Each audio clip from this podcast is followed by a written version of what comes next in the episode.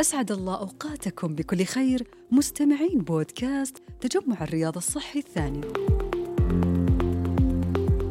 تلعب التقنية دور هام في نموذج الرعاية الصحية الأولية في النظام الصحي الجديد. من حيث الجودة وسهولة الوصول للخدمة وغيرها من المميزات اللي راح نتعرف عليها أكثر مع المهندسة أحلام السرهيد قائد التقنية في تجمع الرياض الصحي الثاني. أهلا وسهلا بك مهندسة أحلام. هلا حياكم الله.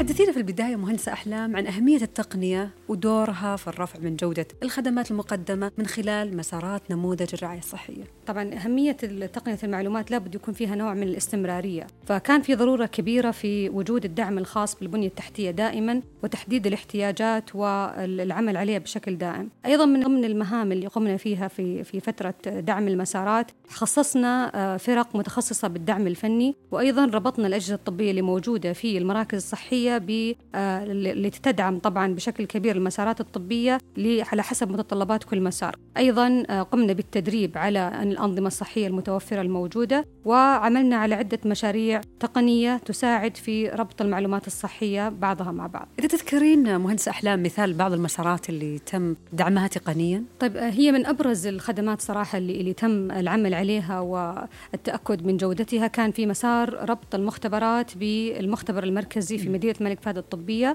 واللي حيكون إن شاء الله أيضا حيربط في مختبر الأمير محمد بن عبد العزيز. آه تم ربطه بالنظام الصحي بحيث أنه يتم آه عملية نقل آه المعلومات مباشرة بين النظامين بدون أي تدخل بشري. أيضا من ناحية مسار الأشعة قمنا بربط الأشعة الألترا ساوند الموجودة في المراكز الصحية آه، لدعم مسار السيف بيرث أيضا آه، في مسار الرعاية العاجلة قمنا بتطوير برنامج من شأنه أن يقوم بالتحويل بين المراكز الصحية العاجلة والمستشفيات آه، الطبية بحيث أنه يتم تحويل المريض بين المستشفيات أو بين المراكز والمستشفيات الخاصة بالرعاية العاجلة. أيضا آه، في مسار قمنا بدعم مسار الطب الاتصالي حيث تم تطوير أو تم توفير كل الوسائل الخاصة بدعم هذا المسار.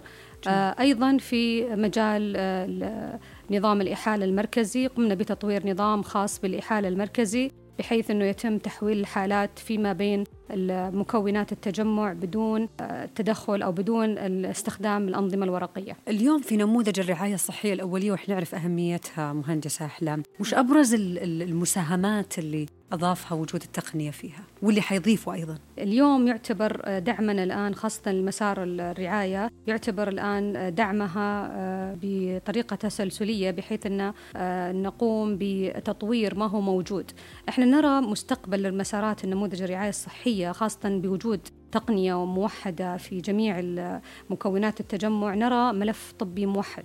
ونرى أيضا آه، حركة انسيابية بين آه، مراكز الرعاية الأولية والتخصصية حسب الحالة. ونحقق الهدف المطلوب اللي هو توفر أو استمرارية الرعاية الصحية. أيضا من ضمن الأهداف اللي إحنا إن شاء الله نسعى لها أنه يكون في عندنا متابعة دورية لتحقيق هدف الصحة الوقائية. آه، بوجود طبعا تطبيق التطبيق هذا حيكون فيه نوع من المشاركة بين المريض وبين مقدم الرعاية الصحية ويكون في طبعا خطة علاجية فبالتالي يكون في نوع من التواصل الدائم بين المراجع وبين مقدم الرعاية الصحية. أيضا نرى توسع كبير في الطب الاتصالي. وهذا التوسع راح يساعدنا بشكل كبير في توصيل الخدمة الطبية لأكبر شريحة ممكنة. طبعا من ضمن الأهداف اللي إحنا نراها خاصة في الثورة التقنية اللي نحن فيها أنه هو حيكون في عندنا تحقيق الذكاء الاصطناعي. في توقع الأمراض حسب القراءات العامة وأسلوب الحياة الصحية. يعني بمعنى وجود تطبيق يكون هذا التطبيق يقيس مثلا قياسات السكر وقياسات الضغط وبعض القياسات وأيضا الأدوية التي يتناولها المريض. ممكن أن إحنا نتوقع